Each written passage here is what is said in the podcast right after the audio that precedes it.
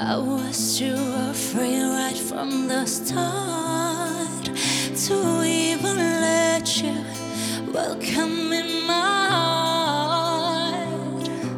You cut it deep and left it bleeding hard. Will I ever heal these painful scars? I just can't